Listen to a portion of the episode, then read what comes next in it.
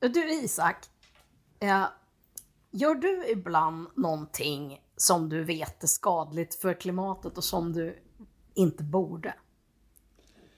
Ja, det, det gör jag ju, men jag har en, väldigt stark bekännelse att göra här idag. Oh, oh, oh.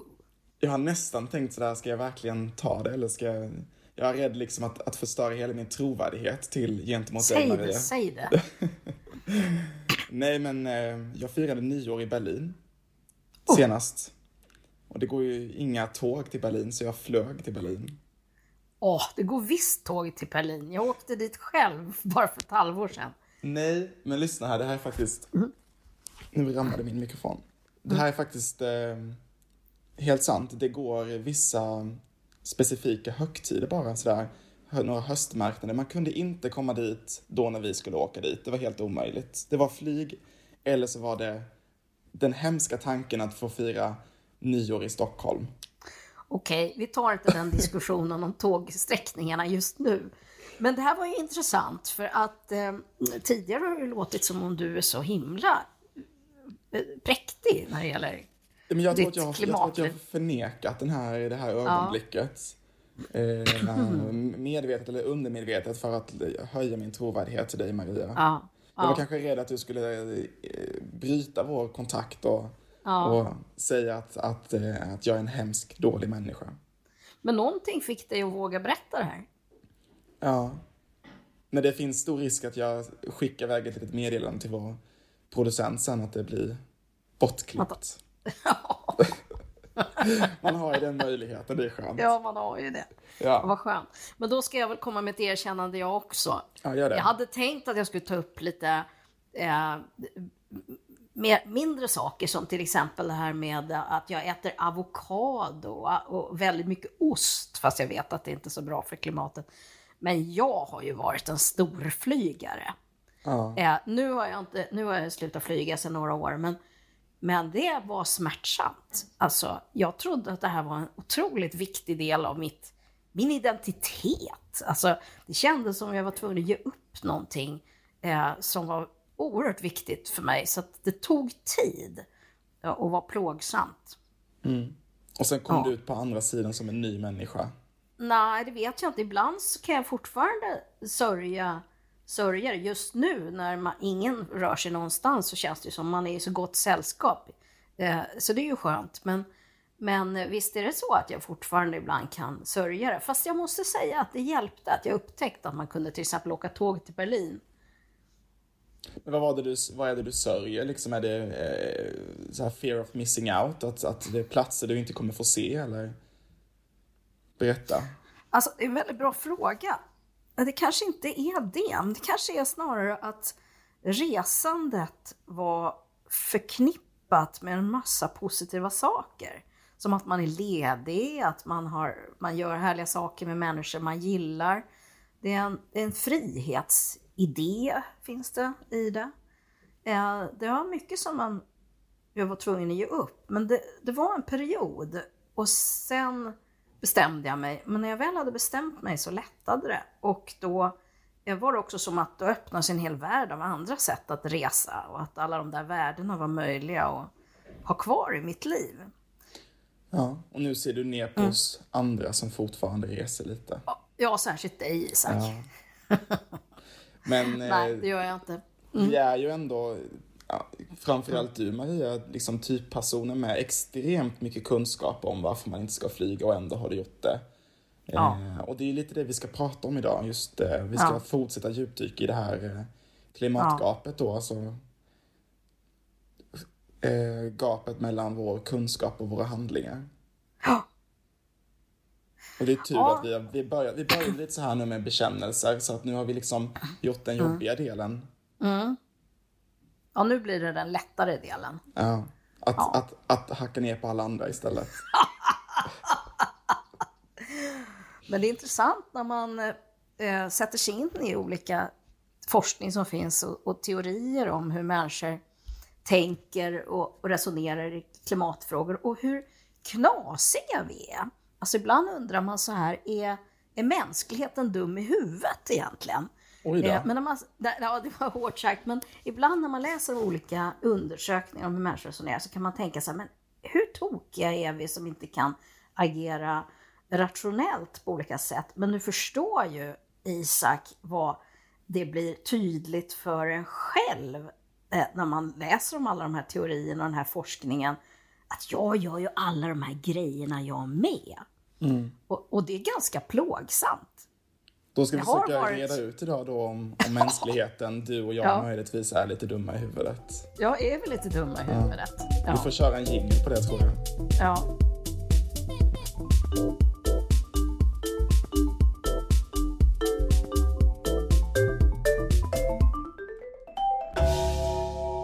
Och sen får vi passa på att hälsa våra lyssnare välkomna till ett nytt avsnitt av den här podden som vi kallar för Klimatgap.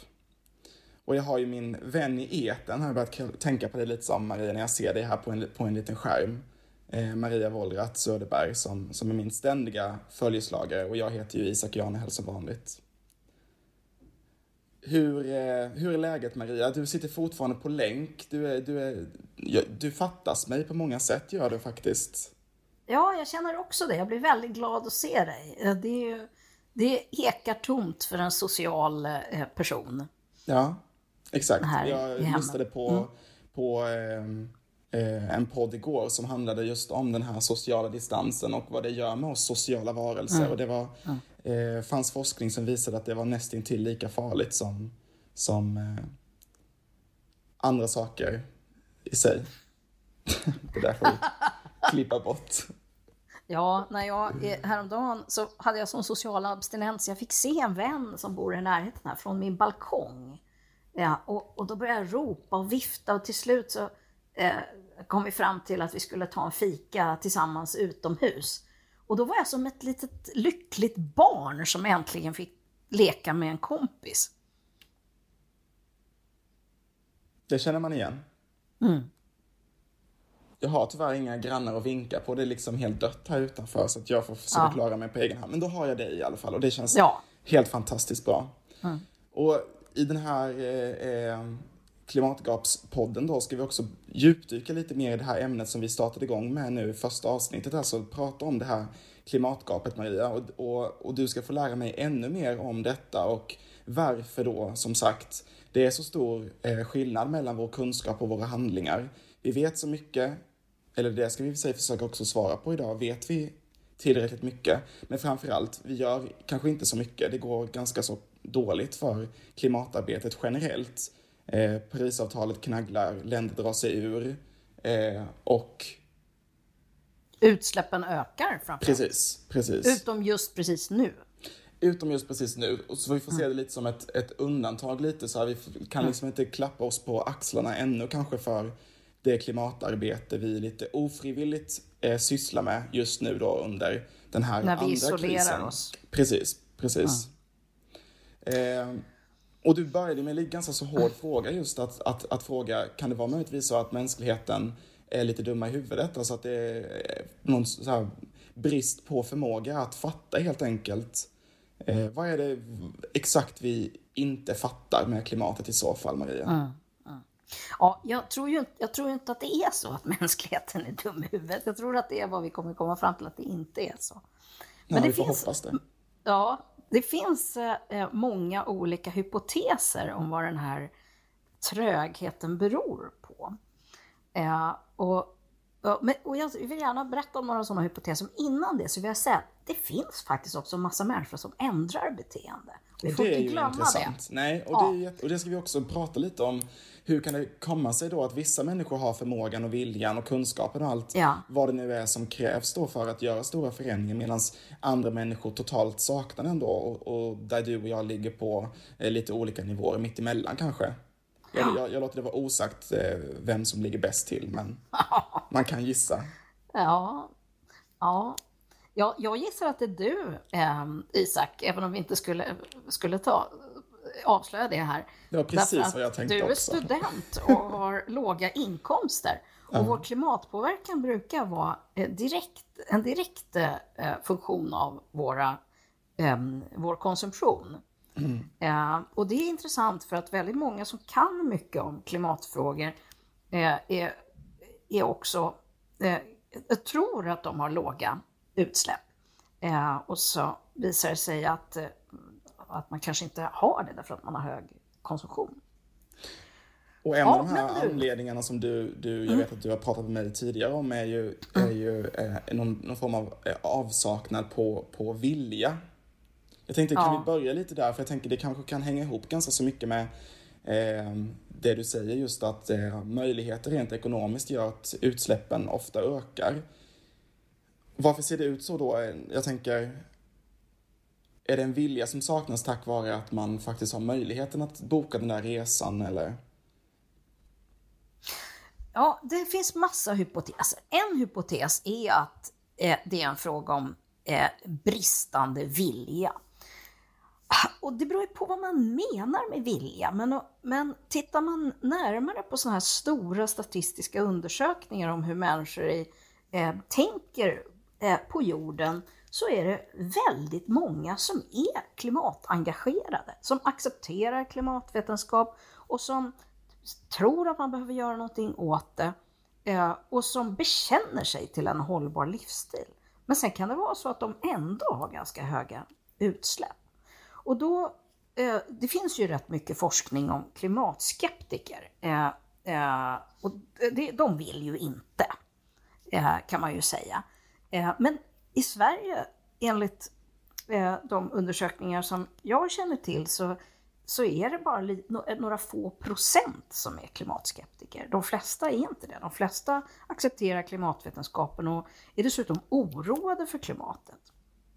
Och ändå så har vi en hög, eh, ett högt växthusgasutsläpp per capita. Men en hypotes som finns där är, är, är att det är, eller man kan väl säga så här, den, det, det, det vanligaste sättet att tänka på det här tidigare, det har ju varit att, eh, att det är brist på kunskap. Man, man behöver informera fram eh, beteenden. Eh, om folk inte agerar klokt så beror det på att de inte förstår bättre.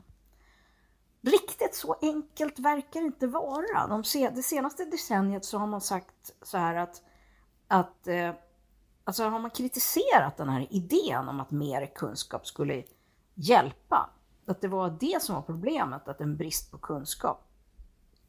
Eh, och, och, därför att man har sett det som att när det gäller, när man har gjort undersökningar om klimatskeptiker, ja då påverkas de inte av, av mera kunskap. Det kan i själva verket bli en sån här backfire-effekt, att man rent att, att man gör motstånd. Det blir för mycket kunskap helt enkelt, så att man känner att, att man pallar inte mer eller? Nej, utan att, och, och, och nu talar jag om klimatskeptiker, utan snarare att om, om någon försöker pådyvla en kunskap som man inte vill ha, då blir man extra anti.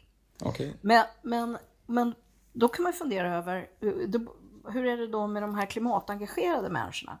Ja, om de redan vet någonting, om man säger det en gång till, ja då kan då även de känna en extra, eh, ett extra eh, motstånd. Eh, men sen kan man ju fundera över om det kan vara så att det saknas vissa typer av kunskap. Och det finns studier som pekar mot att, att det är skillnad mellan kunskap och kunskap. Ofta har vi tänkt när vi ska eh, informera om klimatfrågor att det är vetenskaplig kunskap. Det handlar om fakta om, hur, hur, om uppvärmningen, om isar som smälter och så vidare. Men, det är ju kunskap att... som är väldigt svår att förstå tänker jag. Är, hur ska ja. liksom alla gubbar och gummor ute i stugorna egentligen hänger med ja. i, i de här liksom, klimatforskarnas förklaringsmodeller av eh, den globala uppvärmningen. Det handlar väl mer om kunskap i så fall, tänker jag, om eh, exakt vad man ska göra. Så här, säg till mig vad jag ska göra. Just det. Så att om man tittar på vilken kunskap som faktiskt verkligen ty tycks påverka, och det ser, har jag sett i en studie som jag har varit med och gjort. Ehm, eh, då, då har vi sett att, eh, att, att, dels kunskap om vad man faktiskt kan göra eh, spelar roll, men också egen erfarenhet av problemet. Eller att, eh, eller att man förstår allvaret i frågan, för att det har krupit närmare en. Så att den här kunskapen som man kanske haft under en längre tid, den har plötsligt liksom blivit meningsfull när man till exempel upplevde de stora skogsbränderna sommaren 2018. eller besökte ett översvämmat område i Bangladesh. Då kröp det in på en och då blev liksom kunskapen verklig. Så man kan väl tänka att det finns olika sorters nivåer av kunskap på något sätt. Men jag tänker att den typen av kunskap också är, är, är mm. kanske, alltså, eller erfarenheter är också kanske en förutsättning för viljan då ju, om vi, om vi pratade lite om vilja innan. Ja. Varför ska man vilja om man ändå inte ser det dåliga resultatet av sina handlingar oavsett vad, vilken kunskap man har? Ja. Hur det ser ut och, egentligen. Precis, och det, det verkar som, eh, och, som om benägenheten att agera på sin kunskap är väldigt beroende av om man tror att det kommer hjälpa. Mm. Eh, och om, om, man tror att det har någon effekt. Så det verkar vara en viktig eh, dimension. Sen verkar det också, så finns det en del hypoteser också om att det där är lite olika från människa till människa. Vi har lite olika svårt att stå emot våra så att säga själviska drifter och behov. Ja, och det har man till exempel sett när det gäller... Och neandertalarhjärnan kommer fram. ja, ja, att det är lite olika för att en del personer har liksom svårare med uppskjutna belöningar eller till exempel att låta bli att äta en god sak som man vet är onyttig för att det är bra för hälsan eller att eh, och, och, och så vidare. Att det skulle eh, det finns hypoteser om att den, det personlighetsdraget också skulle kunna liksom, eh, eh, påverka hur, hur, man reagerar i förhållande till klimatfrågor. Ja, det där är inte jag så insatt i. Men jag tycker de riktigt intressanta teorierna de är av en annan karaktär. En intressant teori som anknyter till det där med vilken kunskap som betyder något för en, det är idén om att, eller det är liksom tankarna om att klimatfrågan är himla besvärlig. Den, den, vi är inte riktigt som gjorda, vi, gjorda för eller vana vid att hantera den typen av problem. Vi är inte smarta nog helt enkelt för att förstå det, eller? Nej, inte, inte så, utan att det är det, är det att det är så många mångfacetterat, är konfliktfyllt, det innehåller värdekrockar. Ibland talar man om klimatfrågan som ett wicked problem, ett elakt problem. Och sådana problem karaktäriseras av att hur man än vänder sig har man rumpan bak. Alltså om man gör, eh, om man, om, man kan inte göra val utan att de får skadeverkningar. Det, är inte så, det går inte bara att räkna ut hur man ska göra. Och det är olika värden och intressen inblandade. Och det är känslobemängt, det är knutet till moral. Alltså det är så knepigt. Ta bara en sån banal grej som att välja en tomat i butiken. Eller en gurka. Ska man ta den där ekologiska?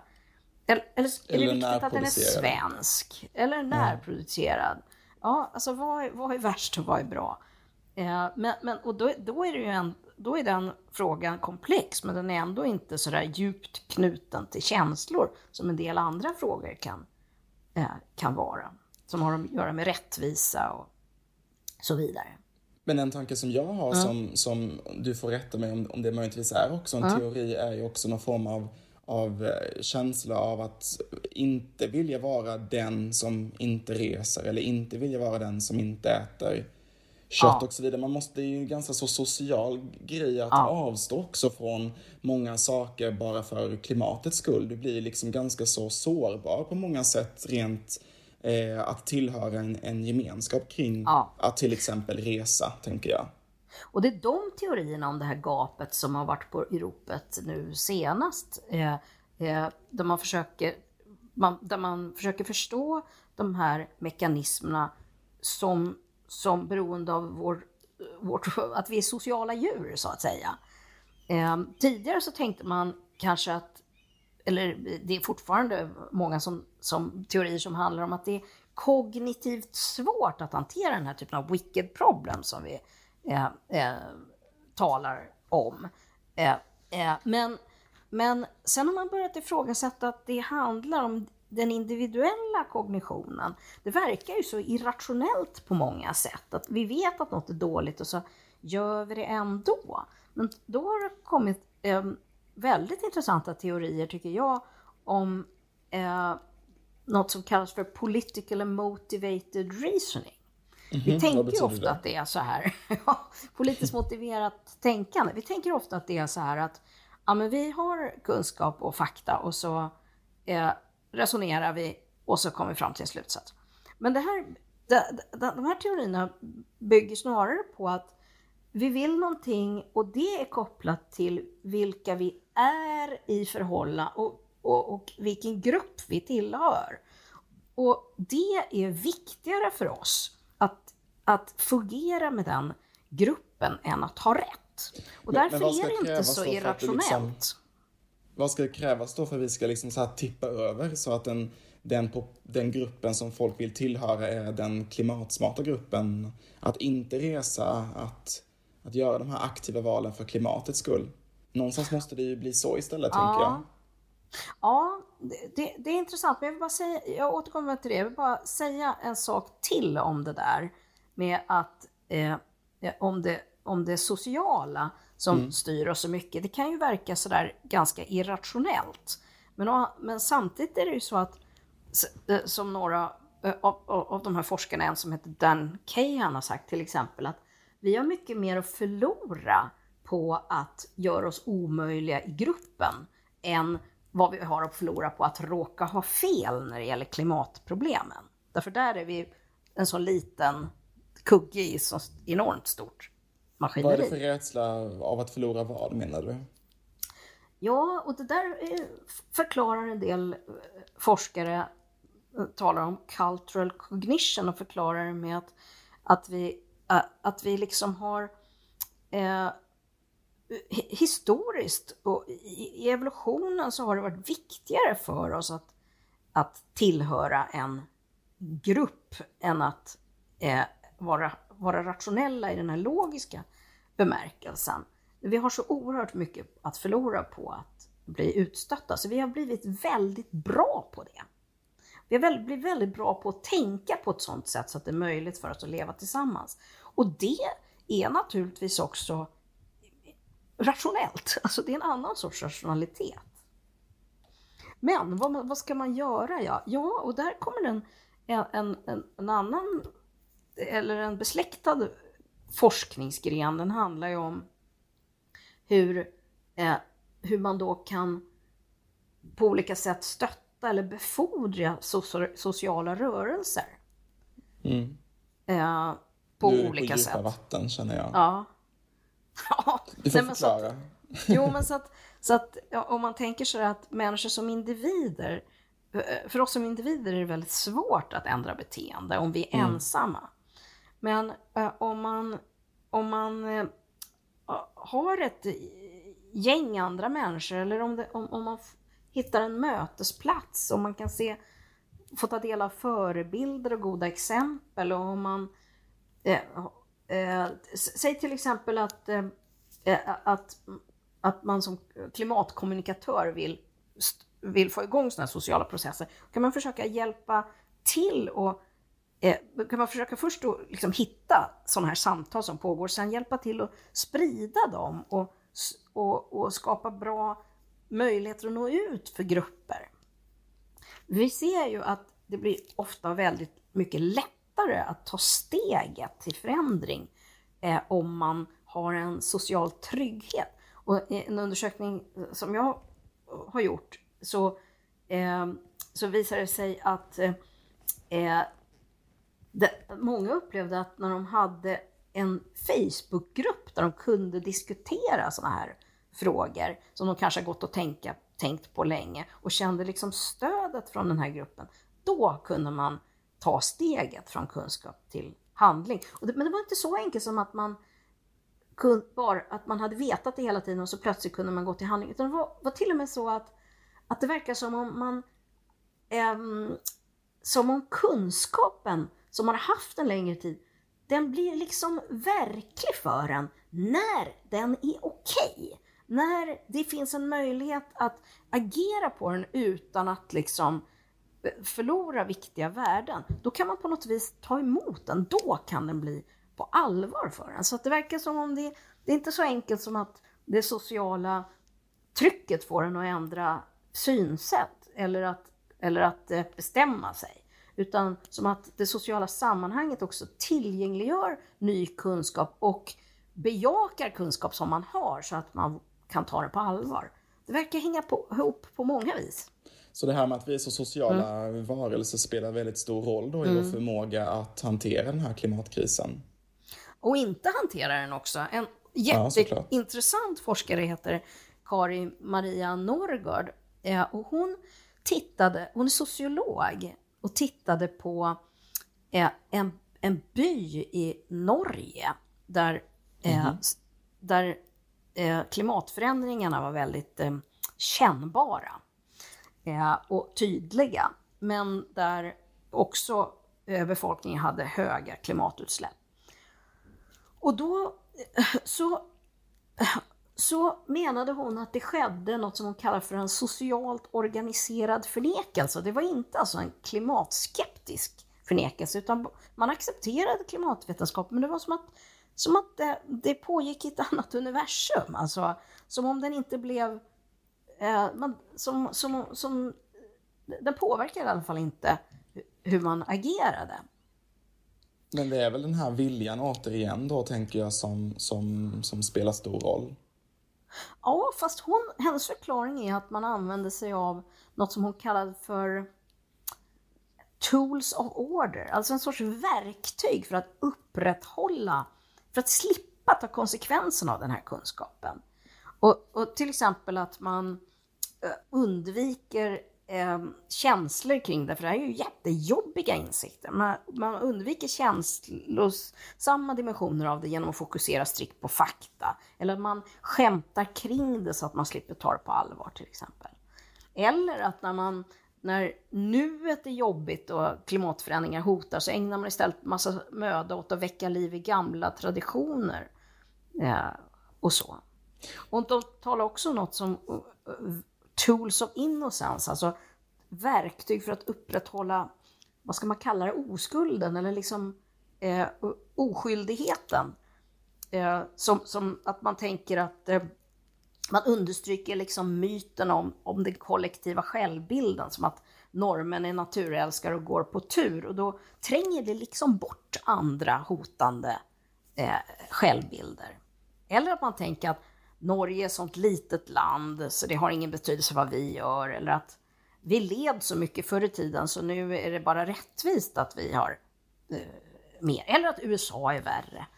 Sådana mm. sätt att resonera. Som, som, som liksom utvecklas socialt i samtal. Men det är ju också stora uppoffringar som ska till då. Mm. Jag tänker, de här uppoffringarna knyter ju an väldigt mycket till en form av, av vilja och att liksom motstå våra drifter och våra vanor mm. och allt annat som, som det är så här inlärda beteenden, hur vi lever och så vidare. Ja. Och du, det är intressant för att eh, jag tänker på eh, i den här studien som, som jag har varit med och gjort som handlar om människor som har slutat flyga. Då mm. är det faktiskt något som man i annan litteratur inte ens verkar nästan räkna med att det spelar någon roll. Samvetet. Mm. Som har vi ett sånt? Har vi något klimatsamvete? Skulle jag säga. tror att det är så. För tittar man på de här människorna som faktiskt ändrar beteende, då är det väldigt viktigt för dem med kunskap, men det är också väldigt viktigt med eh, moral. Men varför är det så stor skillnad då mellan vilka som har moral när det kommer till klimatet och de som inte har det?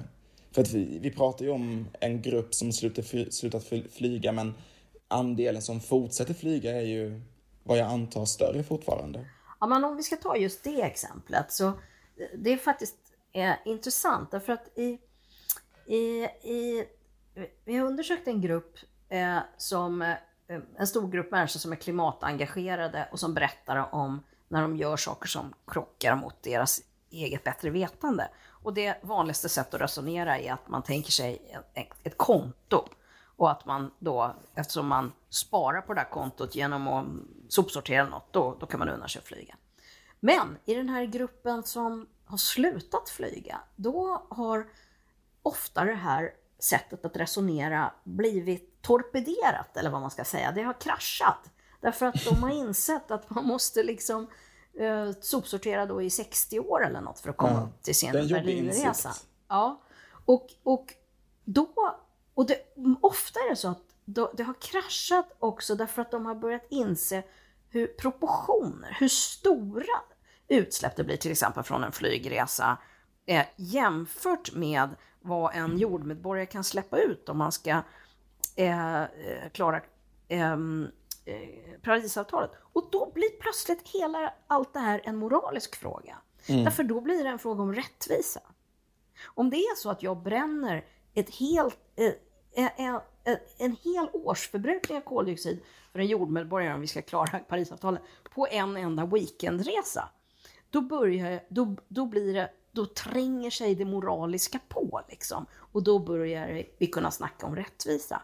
Så för väldigt många som har gjort stora förändringar i sitt liv så är det en fråga om rättvisa och eh, Gentemot insikten. andra människor menar du som, som också flyger och, och, och... Nej, som inte flyger. Eller uh -huh. snarare, men det är faktiskt också, det handlar om människor eh, i, un, i andra omständigheter. Då. Det är ju bara, det är ju ungefär 3% av jordens befolkning som flyger om vi nu ska prata just om det.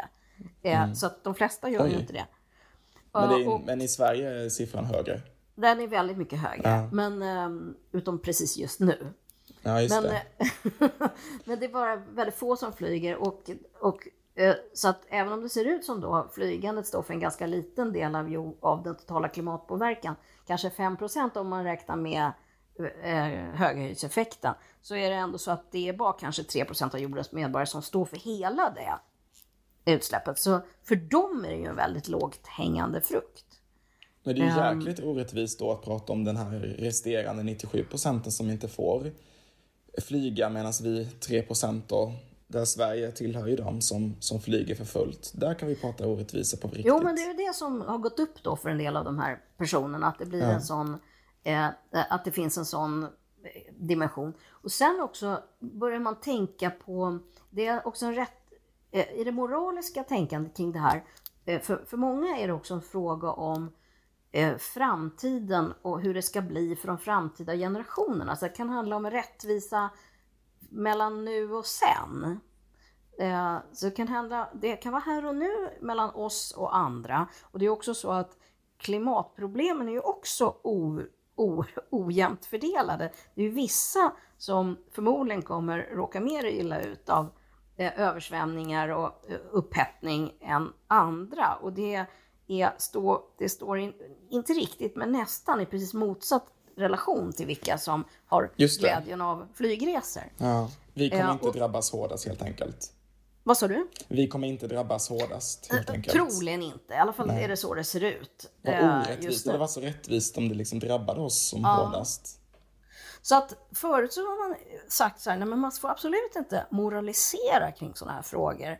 Um, antingen för att man tänker att det inte är schysst att göra det eller att det är, inte funkar. Men om man ska titta på de här människorna som faktiskt har ändrat beteende så verkar just det här vara jätteviktigt för dem. Mm. Ja, å andra sidan så vet vi ju inte, och, och, de som då inte har ändrat beteende, då kanske, det kanske inte är viktigt för dem, det vet vi ju inte.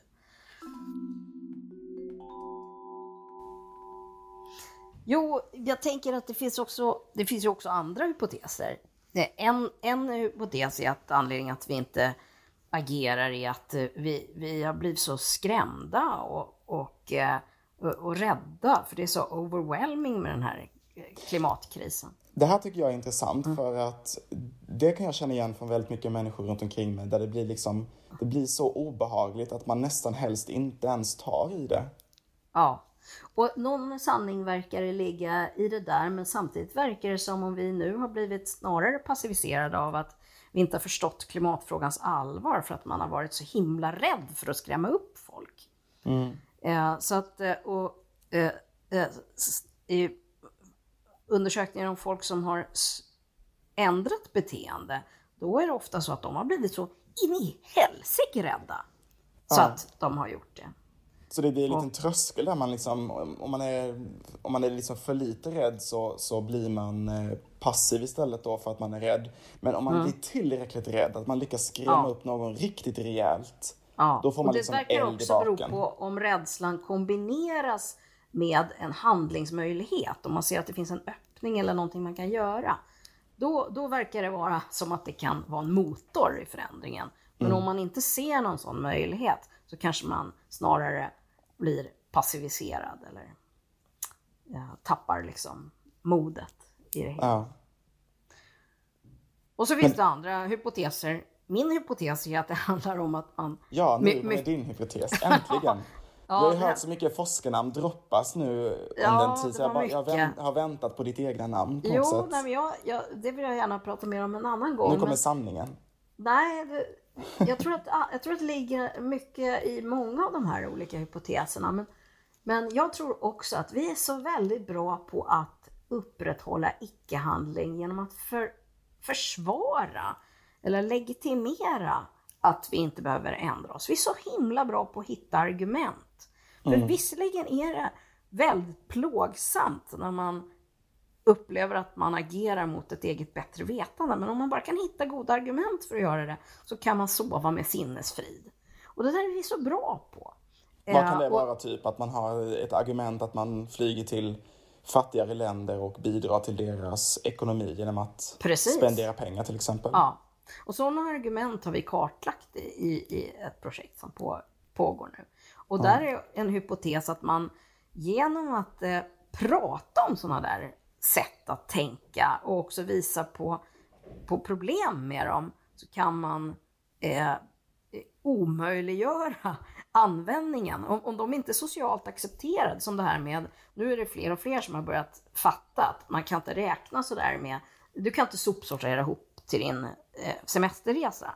Eh, om någon säger det så är risken att man får ganska mycket på moppo av sina Facebook-kamrater eh, eller så. Och då, då är inte argumentet gångbart. Eh, så att, att liksom titta på hur folk resonerar och att eh, eh, eh, diskutera det, det, det, det tycker jag är en väldigt spännande, eh, spännande sätt att jobba med de här frågorna. Och det här var alltså Maria Wollratz Söderbergs teori. Äntligen! ja. Lite så. Ja.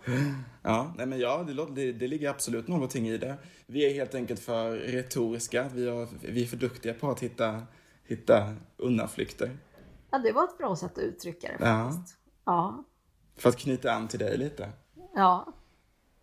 Och du använder ju säkert då din förmåga också då att, att hela tiden hitta, hitta dina egna undanflykter.